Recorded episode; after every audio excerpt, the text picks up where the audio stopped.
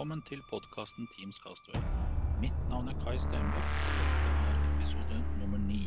I dag med gjesten Magnus Goksøyr fra Skill.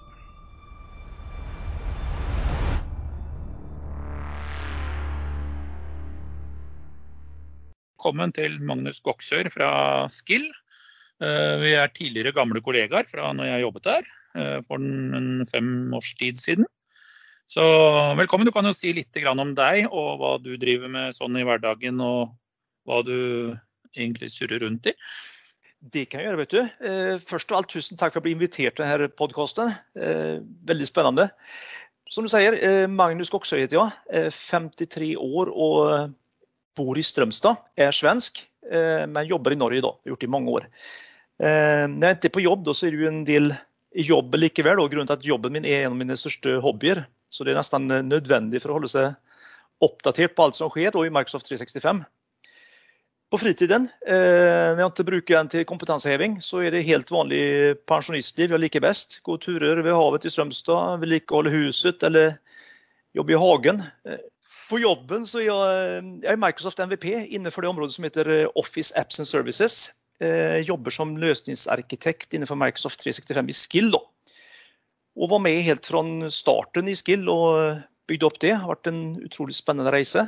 Eh, Starta som konsulentsjef og skulle bygge opp den avdelingen til forretningsløsninger. Men så etter noen år da, så følte jeg at jeg savnet den direkte kundekontakten og for nærheten til teknologien. Da. Så jeg ville rett og slett få litt skit under naglene, som heter på svenska. Eh, Og begynte da å jobbe som konsulent igjen eh, innenfor samme arbeidsgiver. Da. Eh, Har et forflutet som eh, Lotus Notes-utvikler i mange år. Eh, Så skrittet fra Lotus Notes til SharePoint var ikke veldig langt. Og SharePoint jobber utelukkende med ja, egentlig lagde intranett, ekstranett, prosjektløsninger og dokumenthåndteringssystem. Som de fleste andre gjorde på SharePoint tidligere. Og eh, har hatt fokus på det 100% til dess eh, Microsoft Teams ble lansert. Og da gikk jeg all in på det. Følte egentlig er det eksakt som da jeg og mange flere med meg da har forsøkt å lage under de siste årene. Eh, Nå fikk vi jo Samhandlingsdivisjonen da, sammen med dokumentarbeidet og alt i samme arbeidsflåte. Det var en lang lang, kort intro. En lang og kort intro. Ja. Det var jo et par ord jeg, som trigga meg der. da. Lotus Notes, f.eks. Hei, hei! det var tider. Det var 90-tallet. Det var det. Back in Det those days. Back in those days husker jeg var på Lotus Notes-kurs hos IBM. Ja. De bytta navn til Domino eller noe sånt. jajamensan. Lotus Domino. Domino var jo Ja. serveren der. og Ja. Store, flådige messer med Lotus Fair. og Det var, det var tøft ja, ja. på den tiden. Det var svært, altså. Ja, det var det. Ja, Og vi brukte det, husker jeg, når jeg jobba i Sverige eh, på et sånt supportsenter, så brukte vi Lotus Notes til å regge alle caser og sånt. Ja. Så fungerte veldig utmerket. Bra søkefunksjoner osv. Uh, men eh, vi skal ikke sitte og mingle om eh, Lotus Notes. Gamle tider. Gamle tider. Eh, vi er jo litt framover, eh, prøver å være litt framoverlente, og det er jo noe av greia som vi ser for oss. Eh, du har jo også holdt en del eh, webinarer og snakket på en del eh, arrangementer, communities, og spesielt da i forhold til noe som jeg brenner for, og jeg vet at du har en ekstrem passion for det, og det er dette med governance. Ja. Du kan jo forklare litt for uh, newbies hva governance faktisk er, før vi liksom stikker nesa inn i dybden på det, f.eks. Det kan jeg, vet du. Eh, Governance er jo det er ikke så opphetsende på svensk, men det er jo det som er kallat for ordning og reda. eh, Eller ordning på sysakene på norsk. Mm. Det å ha styring på de tjenestene man bruker, faktisk, og ha det dokumentert. Hvilke innstillinger har vi? Vem er ansvarlig for hva?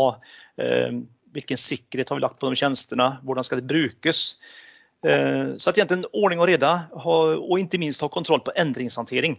Alt nytt som kommer, oppdateringer som nu kommer oftere og oftere og mer og mer. Det er, det er nesten umulig å holde styr på. Mm. Så det har jeg jobbet med egentlig de siste fem årene. Jeg så et behov for det når jeg oppdaget at jeg selv mistet kontrollen på alt nytt. Ja. Så, ja. Ja, det skjer jo veldig. og spesielt i den bransjen hvor vi er. Der, eh, kan, når, hvis du er 14 dager på ferie og du kommer hjem, så har jo plutselig ting endra seg, og du kjenner deg knapt igjen, liksom. Nei, å bli sykemeldt er ikke å tenke lenger. Nei, jeg husker Sist jeg var sykemeldt, da lå jeg på sykehus en uke og da, i forbindelse med en operasjon i kne. og Da fikk jeg frakta PC-en så jeg ikke skulle måtte ha noe å gjøre. Ja, ellers er det bare å omskolere seg. Ja, Da får vi bli fabrikkarbeider eller et eller annet. Yep. Budbilsjåfør eller taxisjåfør. Det fins alternativer. Det finnes alternativer. Men uh, sett som governance-messig, da. Uh, som sagt, man kan jo Jeg gjør det bl.a. på noen Teams-rom så kjører jeg RSS-feeder for å få nyheter inn i rommet i forhold til uh, tematikker osv. Jeg ser jo på et par av de rommene det bare fosser inn. ikke sant? Og det er kanskje én RSS-feed på nyheter. Man rekker jo ikke skumme over uh, alt heller. Men uh, sett sånn Teams-messig, da, hvis vi tenker governance den veien Det er jo som sagt ikke noe filer eller noe sånt som ligger i Teams, det er jo et godt sted å bare slå fast med en gang. Så for dere som trodde at dere hadde lagra filene deres i Teams, eh, sorry, for de ligger i SharePoint. Det gjør de. SharePoint er der bak i bakgrunnen. Eh, still going strong, definitivt. Definitivt. Eh, og jeg ser jo eh, Jeg så det var en Var det på SharePoint Saturday i Köln som var for et par uker siden, hvor jeg holdt et foredrag. Så var det en som kjørte en 40 minutters sesjon på at uh, filene ikke var i Teams. Uh, dessverre fikk jeg ikke med meg den sesjonen, men uh, du kan jo si litt om hva man kan gjøre da, i forhold til Teams og governance, og hvordan optimalisere det best mulig. da i forhold til brukerne? For det er vel en optimalisering man må gjøre, kanskje? Definitivt. Eh, det her kan jo ta hvor lang tid som helst. Det kan jeg stå og snakke om i to dager, tror jeg. Men det, vi tar kortversjonen. vi tar kortversjonen. Eh, den blir lang likevel. Men eh, om vi kan se på det som er mindre smart og det som er smart. Det, det som er mindre smart, er å tro at liksom, fordi man bruker tjenester, f.eks. Microsoft 365, Mm. så er det bare å slå på autopilot og allting ordner seg. Og det er egentlig ingen som kan være mer feil enn det. Eh, så at eh, egentlig om man skulle ta en eh, analogi, så kan man si at hvis du er i skyen og flyr med Microsoft 365, så trenger du fortsette å ha en god cabin crew og gode sjekklister. Mm.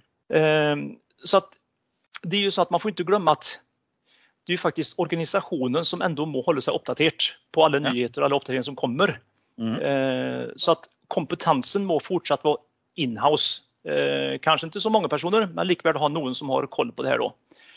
Så det å forvalte funksjonene og ta i bruk dem på riktig måte, det er det som governance kommer inn da. Mm. Og sen da For, for fem-seks år siden da kunne man liksom være helt trygg på at uh, hvis du var god på en SharePoint-versjon, så visste du alle svakheter og styrker med den. Det var, det var enkelt å være en god SharePoint-konsulent. Mm. Du visste at når det kom en ny versjon, med, da kom det også ny funksjonalitet som du var nødt til å sette deg inn i. Da. Og så er det ikke lenger. da. Utan det kommer jo nyheter hele tiden, så der er jo endringshåndtering ekstremt viktig. da. Så at, uh, hva skal jeg si, jeg som er kontrollfreak da, eh, har kjent at eh, vi kan ikke ha det så at det bare kommer nyheter hele tiden uten at vi har kontroll og styring på hvordan vi ruller ut det. Så at alle har jo behov for governance. da. Og det du sa nå, liksom det med governance på Teams, det, det er jo ikke mm. Jeg får ofte det spørsmålet kan du sikre Teams for oss, eller kan du implementere governance på Teams. Eh, det handler ikke bare om Teams, utan det er, her må man ha det helhetsperspektivet. For bare det som sa med at SharePoint, der ligger filene. Det, det, er så mange avhengigheter. Du har jo gruppen i, i Exchange f.eks. Du har filene i SharePoint. Du har hele sikkerhetsperspektivet. så at eh, Jeg kan jo ta liksom step by step hvordan jeg tenker det når jeg implementerer ja. Governance for organisasjon. Mm. Så at egentlig først så må vi ha kontroll på hva, hva er det organisasjonen jobber med. Hvilke, hvilke, mål man har, rett og slett hva man skal oppnå. Da. Eh, og For å oppnå de målene man har, så må vi bruke de riktige tjenestene. Liksom det gjelder å bruke OneDrive på riktig måte, du skal ha planet på riktig måte. Du skal bruke Teams når det trengs, og så, etc. Mm. Og sen har man jo helt sikkert noen sikkerhetskrav da, som alle organisasjoner er bevisst på og kjenner til. Eller hur? Sånn er det alltid. I den beste av verdener. Ja, men det, det, det, er det første steget. da. Og Hvis man ikke vet hvor man skal, så spiller det ingen rolle hvilken teknologi man bruker. Da er man lost fra starten. Mm. Når man har det på plass, da, de mål og retningslinjer, så eh, begynner jeg fra bunn med å etablere governance for klienter, identitet og data. Altså selve plattformen. Det er det som ligger i bunn, som alt annet kjører på. Og hvis ikke det er sikra og dokumentert, så hjelper det veldig lite å gjøre det på enkeltelementer. Så eh, vi starter ofte med klienter. Liksom, eh, hvordan man håndterer dem. Er de sentralt administrerte? Har alle samme versjon og bild på operativsystem, Office f.eks.? Eh, rulles det ut på en felles måte? Eh, har alle riktig browserversjon og samme browser? Eh, om man ikke har samme, eller samme innstillinger, samme patcher, samme opplevelse, så blir det jo veldig fort mye Adidas-support og forvirring hos brukerne. Ikke minst. Så det er klient, veldig kort om det. Eh, og sen identitet eh, er også superviktig. Det å gå inn og se hvilken eh, versjon av Asher man har f.eks. Og ikke minst hvilken versjon man trenger for å ta i bruk den funksjonalitet som vi ønsker å ha på plass. Mm. se på MFA, conditional access. hva med guest access reviews, f.eks. å se hvilke gjester har vi inne i vår organisasjon. Mm. Eh, og bare for en sånn sak så er det en viss versjon av Ashroyd som du trenger da. Eh, brukerprofiler eh, på AD, da, at du har riktige attributter utfylte. F.eks. department og manager er jo superviktig. Så du kan bruke med dynamiske Ashore-gruppene til både tilgangsstyring og lisensadministrasjon. Mm. på en trygg og god måte. Og ikke minst at organisasjonskart og tilhørigheter vises på riktig måte, f.eks. i Outlook-kalenderen og i Teams og andre steder. Ja. Det er langt ifra alle som tenker på det, langt ifra alle som har rydda i AD. Det er ofte en, god, et godt sted å starte på. Har sett noen versjoner av sånne ting, ja. Ja, absolutt. Det er litt hjertet shit in, Shit out. Så er det også der. ja. Men sen å se på hvordan man håndterer det med admin-tilganger, om man bruker PAM eller PIM eller andre bokstavsforkortelser. Mm. Privilege ja. Identity Management. Eh, slik at man kan elevere seg til den admin-nivå man trenger å når man trenger det. Eh, hvordan man håndterer globale admin-kontoer. Eh, om man har egne kontoer for global admin, eller hvis man leverer sine egne vanlige kontoer via PIM. Det finnes fordeler og ulemper med sånt også, som man må være bevisst på. Og ikke minst se på hvor mange globale admin det finnes. Mm Trenger du virkelig å være global admin, eller kan du f.eks. være en SharePoint-administrator eller Teams-administrator? Og eh, Hvis man da bruker PIM, at man da har for et break-glass-konto hvis PIM skulle gå ned, som skjedde for noen år siden, eh, det er også veldig lurt å ha. Ja. Så det er det på identitet. Identitet er jo kjempestort og kjempeviktig på alle ja. måter. Og sen data, da. Eh, hvilke krav som da organisasjonen har på oppbevaring og beskyttelse av og tilgang til dataene. F.eks. er alle enheter krypterte. Eh, skal det være mulig å laste ned OneDrive-innhold på lokal PC som ikke er compliant med organisasjonens krav? Mm. Eh, tar man backup av den informasjonen man trenger å ta backup av? Klarer vi oss med standard Microsoft 365 backup og restore, eller trenger vi å bruke en tredjepartsløsning? Og Her er også en ting som mange ikke tenker på. men det er egentlig ikke før vi vet hvilke ulike typer av informasjon vi har å jobbe med, som vi vet om vi trenger en ekstern løsning eller ikke. Så det med å vite ja, vi jobber med denne typen av uh, dokumenter, vi kanskje har innovasjon, vi kanskje har patent, vi kanskje har alt mulig sensitivt personinformasjon mm. også, mm. som skal oppbevares på ulik måte og kanskje oppbevaringskrav på. Da.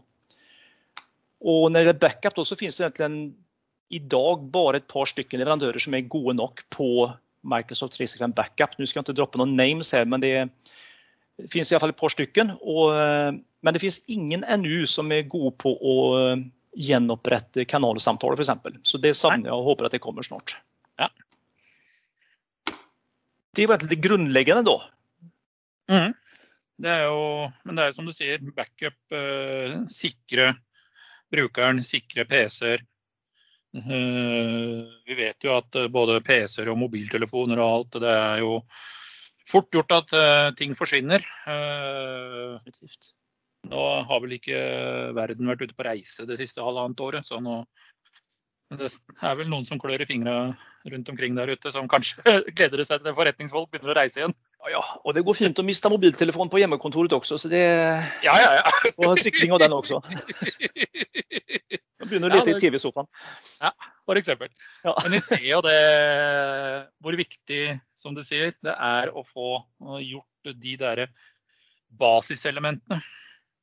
Eh, sikre kontoer, MFA, om du bruker det ene eller det andre, bruk det iallfall. Det er i hvert fall første leksjon.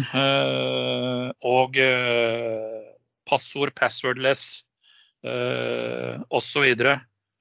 Hvordan vil du ha det? PIM for admin-kontoer. Hva trenger du? Jobber du bare med Teams, ja da trenger du faktisk ikke Global Admin. Altså, da kan du klare deg lenge med uh, Teams Admin. Men skal du f.eks. gjøre dyptgående endringer inn i Ashradet hvis du ikke har noe Active Directory, noen lokale servere som synker ut, så må du forholde deg til Ashradet. Hvordan henger dette sammen? Og alle de elementene der som du nevnte. Og det er dønn viktig å ha orden på. Og så har jeg alltid en gyllen regel. Da. Mm, og det er at uh, ha alltid minst to stykker i, teams, i en Teams-kanal. Helt annet spor. Alltid to stykker som er eier. Minst. Helt enig. Det er nesten som TV-shop det her. I thought you never ask. Jeg kommer inn på det straks òg, tenker jeg. ja, det, for det, ja, for det er jo veldig viktig. Og det har skjedd noen ganger at jeg får en e-post. altså. Du, jeg, nå er det sånn at eh, Eller jeg oppdager det at Oi, vi får ikke lagt til noen nye medlemmer i teamet. Eh, å ja. Den som var eier, har slutta, ja. Eksakt. Hvordan løse det? Ja, det finnes bakveier. Det finnes muligheter. Det gjør det. Eh, ja. Og, eh, men noen krever litt PowerShell, andre krever andre veier. Jeg vet at uh, en som heter Lee Ford, MVP, eh, han har bl.a. lagd et sånt uh, administrasjonsskript. Som kjører et GUI for å administrere Teams og Teams-kanaler og eiere og members og hva som er lov per kanal osv. Kan anbefales å lastes ned fra GitHub hvis du er en administrator. Mm. Jeg bruker det mye. Jeg har også gitt tips til kunder om å bruke det. Under forutsetning at de har en IT-avdeling, og at IT-avdelingen er oppegående. Absolutt. Altså, det finnes det andre, også, andre ja. varianter på det, just det kalles for governance-lösningar. Eh, det gjør det. De grensesnittene. Mm. Men det, det, her er jo det som er grunnleggende, som jeg mener at det, det her må på plass i varje organisasjon. Eh, och det gjelder ikke bare for Microsoft 365. Det her gjelder grunnleggende sikkerhet, grunnleggende struktur, grunnleggende plattform. Då. Mm. når och när det är på plats, då, när man är klar med det, med klienter, identitet och data, det är då man kan börja med governance av tjänster eller applikationer man brukar. Det är, Då kommer applikationer. Och där eh, pleier alltid å begynne med SharePoint og OneDrive da, og mm. eh, Exchange Online, Microsoft 365 Groups. Alle mm. disse hører jo veldig tett sammen med Teams. Det er det som Teams er bygget opp under. egentlig. Ja. Uh, och när man ser på SharePoint och OneDrive då, uh, just du snackade om nu att filerna ligger faktiskt lagrade i SharePoint. Uh, mm. Det som är speciellt viktigt i SharePoint tycker jag är det å se på delingsinnstillingene, at de blir mm. satt opp på riktig måte. Liksom, hva, hva, er default-innstillingen når noen skal dele en fil? Eh, deler man med hele organisasjonen, eller mm. er det med enkelte angitte brukere? Eller eh, kanskje til og med i worst case då, at man kan dele med hvem som helst. Eh, det finnes noe som heter anyone links. Mm. Eh, så det bør man vurdere. Skal det være lov å bruke i hele tatt? Hvorfor? Eh, man kan bruke det, men da skal man ha en begrunnelse for hvorfor man gjør det. Mm. Og om man da skal bruke det, da bør man jo også ha en gyldighetstid på dem. At de utløper etter f.eks. 30 dager eller et eller annet sånt. der. Ja. Så just delingen der er jo superviktig å se mm. på. Eh, og så hjelper det jo ikke f.eks. om du setter et, et team til at det er privat. Du har jo privat eller offentlig, to varianter på et mm. Microsoft Teams. da. Eh, det påverkar ju inte egentligen så mycket SharePoint. Du kan fortsatt dela filer, enkelte filer med externer för exempel. Mm. Så det, det, är ju möjligt. Då. Och då får man ju komma in och se på sensitivity labels istället då, där man faktiskt eh, slår på mer eller mindre kryptering på, eh, på områden eller på gruppen. Ja. Eh, det jeg ser på mer er jo hvem som skal få lov å opprette nye SharePoint-områder. Eh, som standard ligger ofte på SharePoint start, den siden. ligger opprett mm. nytt område det bør ikke alle få gjøre. Altså. da, skjuler man den linken. Og så setter man det i system at det kanskje er bare SharePoint-administratorer som skal få lov å gjøre det. Mm. Og sen har vi sett at det er ikke så mange SharePoint-områder som blir opprettet nå for tiden. Nå blir det jo nye Teams i stedet. Eh, det kommer jeg straks inn på også. Liksom, det er samme utfordring der. Kan fort bli kaos. uh, og så en sånn enkel sak som er det riktige datoinnstillinger i Admin Center, f.eks. på SharePoint, når du oppretter mm. nye områder der. Og ikke minst på OneDrive, hva er det som skjer når en person slutter og kontoen blir sletta i AshRAD? Hva skjer da med innholdet i den personens OneDrive? Mm. Det er jo så at det kan forsvinne etter 30 eller 60 dager, så blir det bare sletta. Men det finnes jo varianter man kan tildele tilgang til OneDriven til en annen, f.eks. nærmeste leder, hvis man ønsker å ha lov å gjøre det. Mm.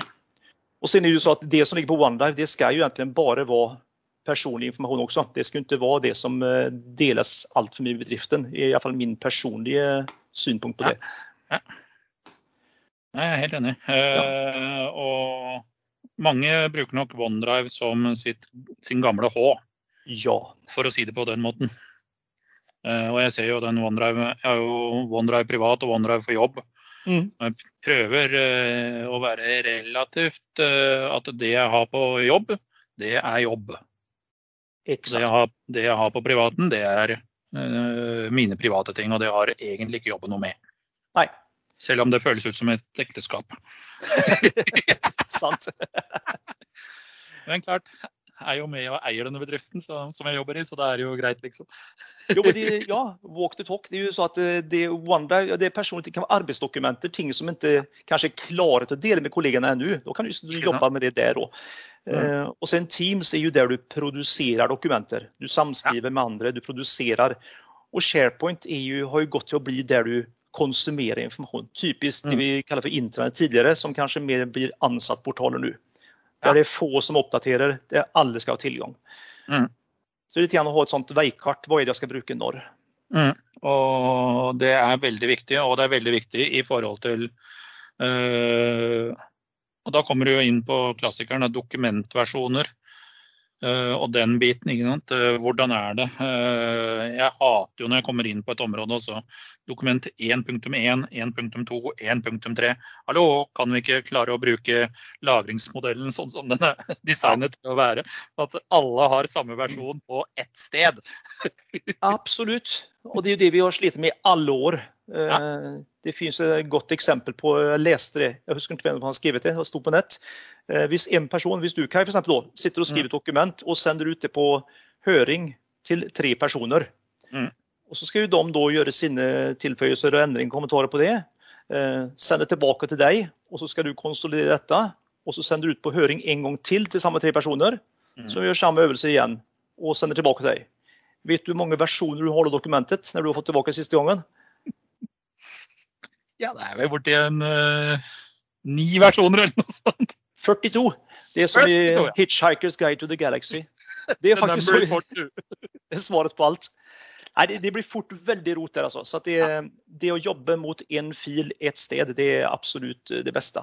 Mm. Og jeg så ser jo det, sånn som jeg dokumenterer ting jeg gjør ute hos kunder og sånt. Da oppretter jeg Og da har jeg en sånn mal som vi starter med, liksom, som er relativt blank, da, med litt logo og litt sånn forskjellig. Og en innholdsfortegnelse som da er blank, og som, hvor dokumentet blir til underveis. Da det er en Word-template sånn i bunn og grunn. Da. Men da lager jeg den som da et Word-dokument, og så jobber jeg den. Og da fra Teams-rommet. Mm. Og der ligger den. Ja visst. Og da og har har... alle tilgang på samme versjon. Og så har du samtalene på dokumentet. Du har ikke liksom kommentarer inne i filen, utan du har jo faktisk denne kanalsamtalen der du kan se alle kommentarer jobbe fram dokumentet mm. underveis. Du slipper det med å sende på høring elendig gamle SharePoint. Arbeidsflytende, ja, ja. høring og godkjenning med alle versjoner og sjekke inn og sjekke ut. Det slipper du jo nå. Det er mye mm. mer effektivt. Ja. Og så har du fortsatt samme mulighet til å rulle tilbake til en tidligere versjon hvis det skulle være nødvendig. Det er helt riktig. Og da har man den backupen. Og jeg ser jo sånn som øh, gjør jo det samme på OneDrive hjemme hos moren og faren min. Moren min sitter og skriver dagbok da, for hver dag som går. Ja. For, sånn for å ta et eksempel. da. Uh, sorry, mutter'n, dette hører ikke du på likevel. Men så hender det at det kommer borti en eller annen tast, ikke sant? og så forsvinner all teksten. ikke sant? Og nå har vi skrevet inn 800-900 sider i denne dagboka si. ikke sant? Så den er jo gått over mange herrens år. ikke sant? Men da, når, da jeg innførte jeg Office 365-abonnement for dem med fem lisenser. Det er én PC, og så har du to mobiltelefoner. og Det er det de sitter med. Et helt standard basic-abonnement som privatperson. Men da OneDrive. Så flytta jeg dokumentet ut på OneDrive, og da fikk du brått versjonshåndtering. Uh, ja. Så hver gang hun klarer å knote til og slette alt, så laster jeg bare inn forrige versjon. Underbart. Lagrer mens hun sitter og skriver. Precis.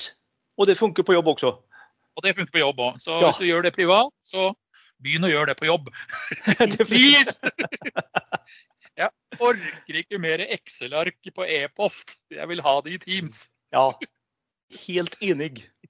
Nå funker dessutom Excel online og samskriving der med, så det Ja. fins ingen grunn lenger til å sende intern e-post med vedlegg. Altså. Det, det gjør det ikke. Nei. Send, og hvis du må sende det med eh, vedlegg, send det da som en SharePoint-link. Ja, takk. Helst.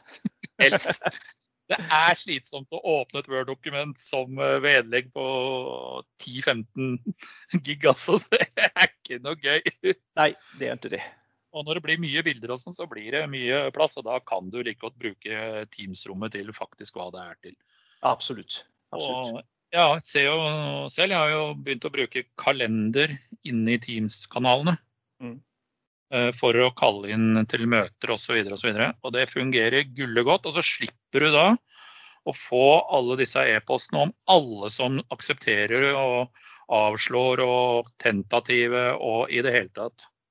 Absolutt, og ikke minst å ha møtene i kanalen med. At du kan, Ja. Har du et opptak, så ligger opptaket kvar i kanalen etterpå. Du har møtenotatene der, du har møtechatten. Det Ja. bruker veldig mye. Ja, Og det fungerer. Jeg oppdaget en ting forrige dagen, da, eller det var i går. Det begynte vel egentlig i helga når jeg fikk uh, sånn uh, invite til Teams uh, private. Mm. Det var en kollega som drev og testa litt. Og så begynte jeg å teste litt på det i går også, og da brukte jeg min ærverdige, klassiske hotmail-konto skapet en gang på 90-tallet. Uh, og det er samme som, Den bruker jeg også som live-ID. Så Mm. den lever jo i beste velgående, i hvert fall den kontoen. Da sto jeg inne i Teams-klienten, og så åpnet jeg uh, Teams med denne private-kontoen. Mm. Som en eget vindu utenfor Teams. Det var ganske kult. Det er kult. Det er Teams tar overalt. Ja, og da bare oh, goodbye, Uh, Skype online. Ja. Private-delen, vel å merke. Og nå sa jeg i dag, var det vel, at uh, nå er det 75 dager igjen eller noe sånt. Så blir alt som, alle som ikke har kommet seg ut av Skype, de er da på tide å komme seg vekk. Mm. Det er på tide å begynne å planlegge det nå. Definitivt. Ja, Hvis du ikke har satt i gang enda, så er det på tide å, Å ringe Kai. å ringe meg, så skal vi ta og hjelpe deg hurtig i gang. Jeg går på ferie 7. juli. Absolutt. Alt er flyttbart. Alt er Nei, nesten. Men jeg Ja, har nesten. nesten. En liten digresjon. Ja. Ja, Nå fikk jeg et sidespor. kjenner jeg. Vi snakket om governance på SharePoint. Vi skulle egentlig inn og snakke om Teams. hvor var det var tanken da. Eh, Du snakker bl.a. om det her med du må ha mer enn én eier på et team. og Det, det, det er jeg helt inne i. Og, men til å begynne med da, kanskje man skal se på hva er det som man går igjennom når man skal opprette governance for just Teams. da. Mm. Eh, og Det er også standard at hvem som helst i organisasjonen kan opprette nye Teams. Eh, og Det skaper jo fort kaos. Det ser jeg bevis på nesten hver dag. Eh, bedrifter der plutselig ligger kanskje 800-900 forskjellige Teams. Mhm. Mange områder ikke i bruk, eh, mange har helt feil navn. Eh, det er ikke satt opp på riktig måte etc. Så at, jeg syns det er viktig at alle kan opprette nye Teams, men at det må gjøres på en kontrollert form. da. Egentlig gjennom en bestillings- og provisjoneringsløsning. Ja. Det, det er det første som jeg pleier å liksom anbefale eller få på plass. da. Så det man får gjøre da, er at man får sperre for muligheten å opprette nye Microsoft 365 Groups. Mm. Eh, Det er jo det som er standarden. da. Man slår av det. Da går det ikke å opprette nye Teams, det går ikke å opprette nye planer for eksempel, eller nye hjemmegrupper. Nei. Eh, Men så styrer isteden brukerne til et skjema der de må mm. velge hvilken type av team man ønsker å opprette. F.eks. et prosjektteam, eller et nettverksteam eller et avdelingsteam. Da. Og når man da velger type av team, da, så sikrer man at eh, teamet blir opprettet med riktig navnestandard som man bør ha. F.eks. med et prefiks eller suffiks, så det blir enklere å få oversikt over de ulike typene av team som man da har i organisasjonen. Mm. Eh, og sen da, dessuten som du sier, man må velge minst to eh, teamseiere. Ja. For da sikrer du, eller du i hvert fall unngår at de blir eierløse så fort. Mm. Eh, og sen da at man kan også velge om det skal være offentlig eller privat. Just at i privat så må jo du som eier invitere dem som skal være medlemmer der. Er det offentlig, kan hvem som helst melde seg inn der. Eh, og I tillegg, som ikke så mange tenker på, så er det faktisk at alle filer som ligger i et offentlig team, det er søkbart og tilgjengelig via SharePoint i organisasjonen. Mm. Så det bør man være obs på også. Ja. Eh, og sen når man har fylt ut de her feltene, da, det bør ikke være så rocket science, det kanskje var tre-fire felter, eh, så sender man en bestilling da, til en ansvarlig som godkjenner eller avslår. Da. Eh, I mitt fall så sender jeg ofte inn det som et adaptive card inn til et governance center. Så at den som er ansvarlig for Microsoft Teams, den får opp et sånt card, avslå, godkjenn, og som en kommentar på det. Mm. Og I forbindelse med den godkjenner så blir det oppretta right away, tilgjengelig for dem som bestilte teamet, og den andre eieren også. Da. Mm. Eh, og Da kan man jo også ha maler. Eh, det vil si at Om jeg bestiller et nytt prosjektteam, da har jeg en Teams-mal som er basert på at jeg vet at vi har en prosess vi skal gjennom. Vi kanskje har en kartlegging kartlegging, forstudie, gjennomføring, eh, implementering, oppfølging.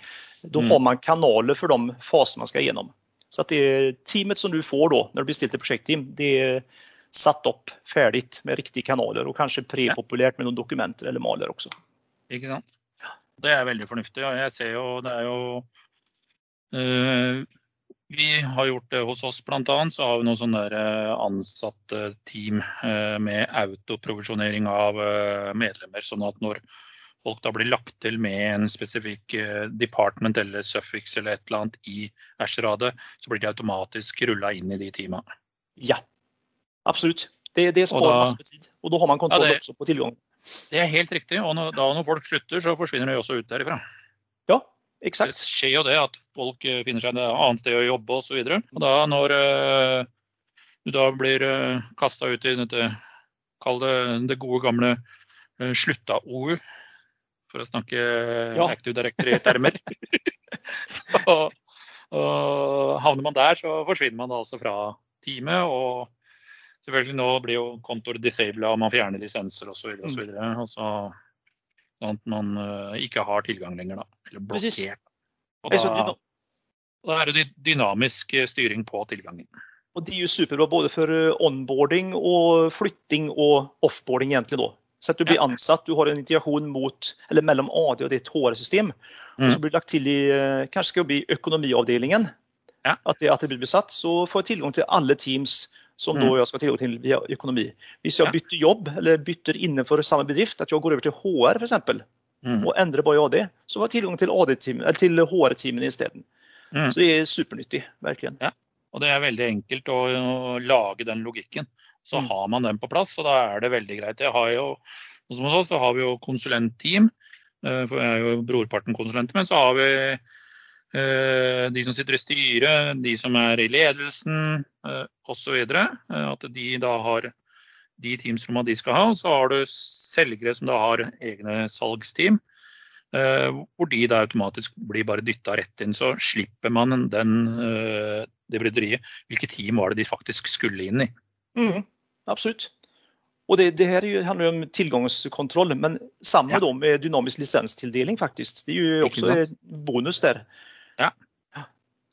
Det... Og da, du sparer så mye tid eh, om du skulle hatt en supportavdeling eller en IT-avdeling eller hvordan organisasjonen deres er skrudd sammen, da, til å sitte der og gjøre alt dette manuelt. Uff. Jeg ser jo, jeg har jo ansvaret for at uh, alle som begynner i blink, uh, får Teams-telefoni mm. satt opp på en fornuftig måte. Og de som eventuelt skal inn på helpdesk, at de får blir meldt inn i køer og de tingene der. Og klart, tildeling av telefonnumrene er jo ikke vi så himla mange. Det begynner vel å nærme oss 50. Eh, så det er foreløpig så går det an å ha relativt grei kontroll. Blir kanskje på tide å automatisere litt den dagen vi passer 100 og ansettelsestakten går enda fortere. Ja. Liksom oppdateringen i Microsoft 365. ja, og da blir nok en del av de prosessene der litt mer automatisert. Men jeg sender alltid ut en mail når jeg vet at brukeren er tildelt lisens osv. Så videre, sånn at uh, en av de første e-postene de får som ansatt, det er en eh, e-post fra meg med telefoni i Teams og hvordan det henger sammen. Og, mm. hvordan, og ønskelig type one number-løsning osv. Så, videre, så må de gi beskjed, så etableres den type ting som man husker fra Skype-telefonitiden. For vi som drev med og surra med det også. Da gir de bare beskjed hvis de skal ha endringer. Ja, det høres veldig smidig ut. Og da har de også et kontaktpunkt innad i bedriften. For det er jo gjerne sånn, og det vet jo du også som jobber i en organisasjon som er spredd over flere, flere byer, at det er veldig greit å ha ett navn å henge den knaggen på, for å si det pent. Det er det, definitivt. Så er det jo flere som kan gjøre den jobben, men jeg, har tatt på meg det ansvaret. Så jeg tror de syns det er hyggelig å få en e-post. Så vet jeg at OK, skal jeg snakke med noen om det, så skal jeg i hvert fall gå dit. Ja. Og da har man fått introdusert seg. Precis. og om teksten er sånn passe standardtekst hver gang, så ja ja, de har i hvert fall fått en tekst. man vet hva som gjelder. Ja, men det er bra. Og det er viktig, eh, tenker jeg, da, sånn mm. i uh, onboarding av nyansatte. Det er det. Og at de eh, får gjennomgang av alle systemer og hvordan dette henger sammen. Nå kan jo de fleste i dag Teams, i hvert fall sett fra et brukerperspektiv. Men klart Det er jo masse nye kanaler som du kommer til, og kanskje noen har den funksjonaliteten, og andre har den funksjonaliteten. Mm. Uh, i forhold til hvilke apper man bruker osv. Du nevnte jo bl.a. i stad så nevnte du Planner. Uh, jeg har begynt å teste en ny app bare nå for å se om eh, det kan sammenlignes. Har du vært borti en Microsoft-app faktisk, som heter Milestone? Nei, det har ikke vært. Nei. Det er jo litt sånn prosjektverktøy à la Planner. Da. Mm. Hvor du i utgangspunktet knytter et, en milestein og så knytter du aktiviteter til den milesteinen. Og så stiger da prosenten oppover etter hvert som du jobber deg gjennom milesteinen. Ok. Så, ganske eh, bra verktøy, egentlig. Det eh, eneste jeg savner på den, er at eh, sånn hvis du har øh, flere ting knytta til ett punkt da, inni milesteinen, ja. øh, som du lager flere punkter. Ja, det er med avhengighet, ja. Det er samme som ja. i Project, egentlig. Ja. ja. Så det er litt sånn project-aktig. Og det er faktisk en applikasjon jeg blei veldig glad i. Jeg bruker den nå i et prosjekt for å se ja. hvordan det funker. Og, det, og da kommer det opp sånne piler da, med antall prosent og helt øverst. Altså kan du da endre Hvis du kaller det toppbanneren, headeren, ja. den kan du endre da, i forhold til du, hvilken bakgrunn du vil ha og sånt. da. Ja, just det. Ganske eh, bra app. Den får vi kikke nærmere på. Ta en titt på den. Prøv den. Ja, jeg synes den var ganske kul. Ja, annars er det DevOps her, og det er Planner. Det er som de ja. to verdiene som har livet ditt som gjelder oppgaver. Da. Ja. Eh, du nevnte videre Vi kan jo snakke om governance i, som du sa, dager ut og dager inn. Det går bra. Men jeg tenkte litt sånn når man da har kommet seg gjennom dette med automatisering av Teams og Teams-kanaler, tildeling av det, og det er jo veldig viktig. Jeg ser jo og Begynner man å lage dette eh, Jeg kaller det frislipp, da. Og de flere, mange jeg snakker med, har hatt et frislipp av dette med antall kanaler. Og da får du gjerne Arilds private kanal, og han har én medlem, og det er seg selv. og og vaffelrøre, diskusjoner og gudene veit. Ja. vi har sett dem alle sammen. det har vi gjort. Det finnes alle tenkbare varianter. Ja. Eh, det gjelder kanaler, da, så i de prosjektene der jeg er med og implementerer Teams i en organisasjon, mm så går vi alltid gjennom og forsøker komme fram til et standardoppsett. Det her er ja. kanskje tre-fire kanaler. De her skal vi alltid ha, f.eks. i mm. organisatoriske team. Vi skal ha en kanal for sosialt. Der legger vi all chit-chat som ikke hører hjemme på jobbgreiene egentlig da. Mm. Eh, vi kanskje har tips og triks. Det kan også være en. Ja. Eh, sen har jeg ofte en egen om det er et eh, avdelingsteam, kanskje en egen kanal for avdelingsmøter. Det jeg gjør som du sa tidligere, der legger jeg invitasjoner til møtene, der ligger opptakene, der ligger notatene, der ligger presentasjonene. Så i hvert fall et antall standardkanaler. da. Og så er det opp til, opp til Teams-eierne da, å såpass, ha fått såpass opplæring så de forstår når skal jeg opprette en ny kanal, når skal det være et nytt team. Det handler litt om uh, hva er det som er mest formålsenlig. Så den, ja. den, er, den er, viktig. At uh, opplæringen rett og slett, eller brukeradopsjonen som vi kaller det for. Mm. Och sen finns det som också med private kanaler som jag har, jag har fått mange utslett av dem. Eh, men samtidig, jeg ser at det kan være nyttigt og det er nyttigt. Men du skal bare mm. bruke når du faktisk må gjøre det. For at ja. som standardinnstilling, da, det er en veldig viktig del av just governance-kartlegging som man gjør, så kan jo hvem som helst opprette en privat kanal. Mm. Men ulempen er at jeg kan opprette en privat kanal i et team uten å legge til teamets eier som medlem. Mm.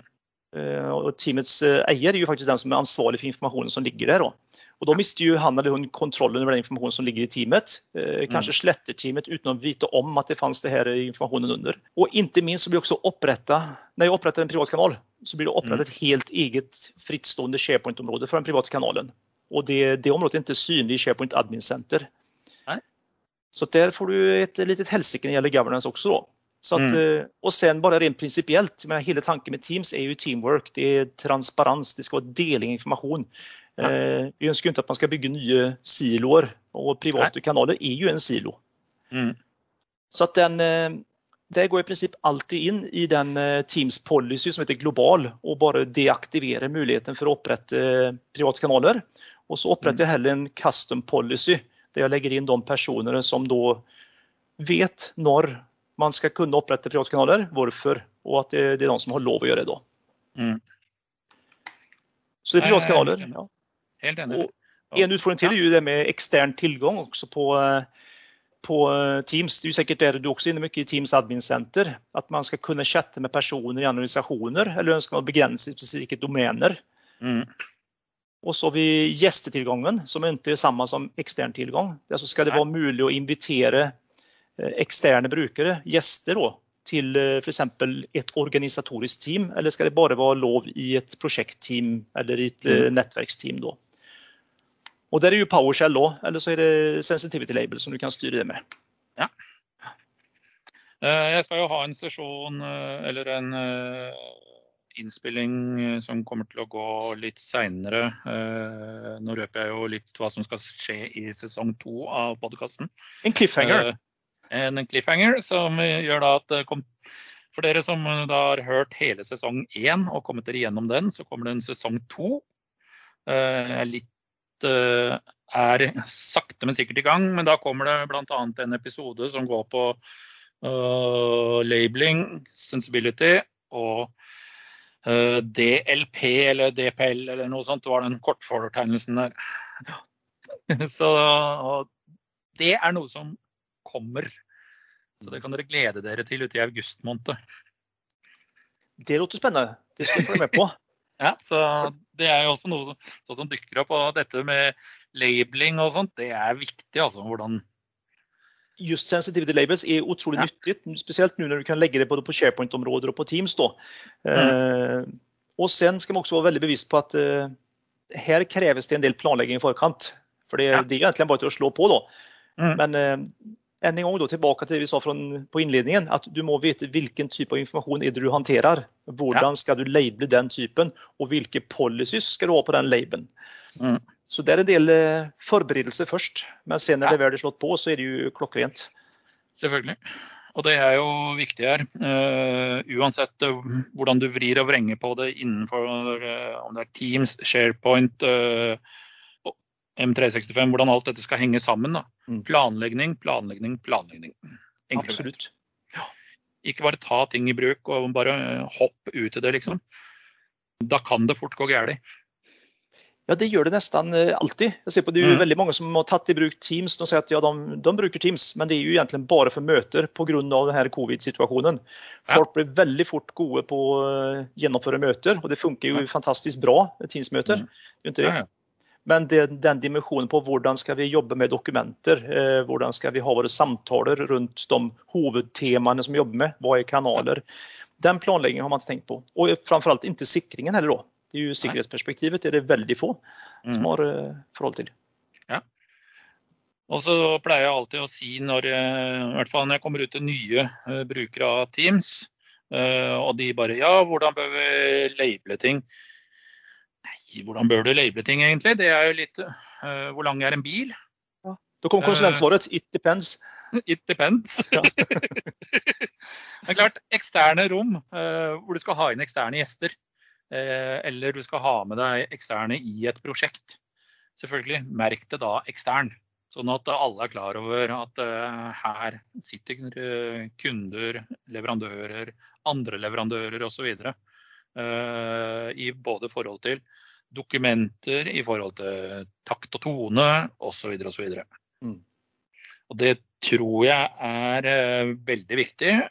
Og jeg pleier alltid å gjøre det når jeg uh, oppretter et prosjekt som jeg skal jobbe sammen med både interne ressurser og eksterne ressurser, så vet alle at her er også kunden. Ja. Superviktig. Og det er superviktig. Jeg gjorde jo også en annen ting her for en god stund siden tilbake til dette med å sende e-poster rundt. Sånne bursdagshilsener og sånt. Ja. Og til slutt så opprettet jeg en Teams-kanal for oss som er lei bursdagshilsen på e-post. ja, det blir mye dialog, forstår jeg. Eh, ja, det er jo veldig mye greiere å ha det der, da. Istedenfor at du sender en mail til 50 ansatte, og så svarer 47 stykker med Reply to all. Mm. Bruk Reply to all når det er behov.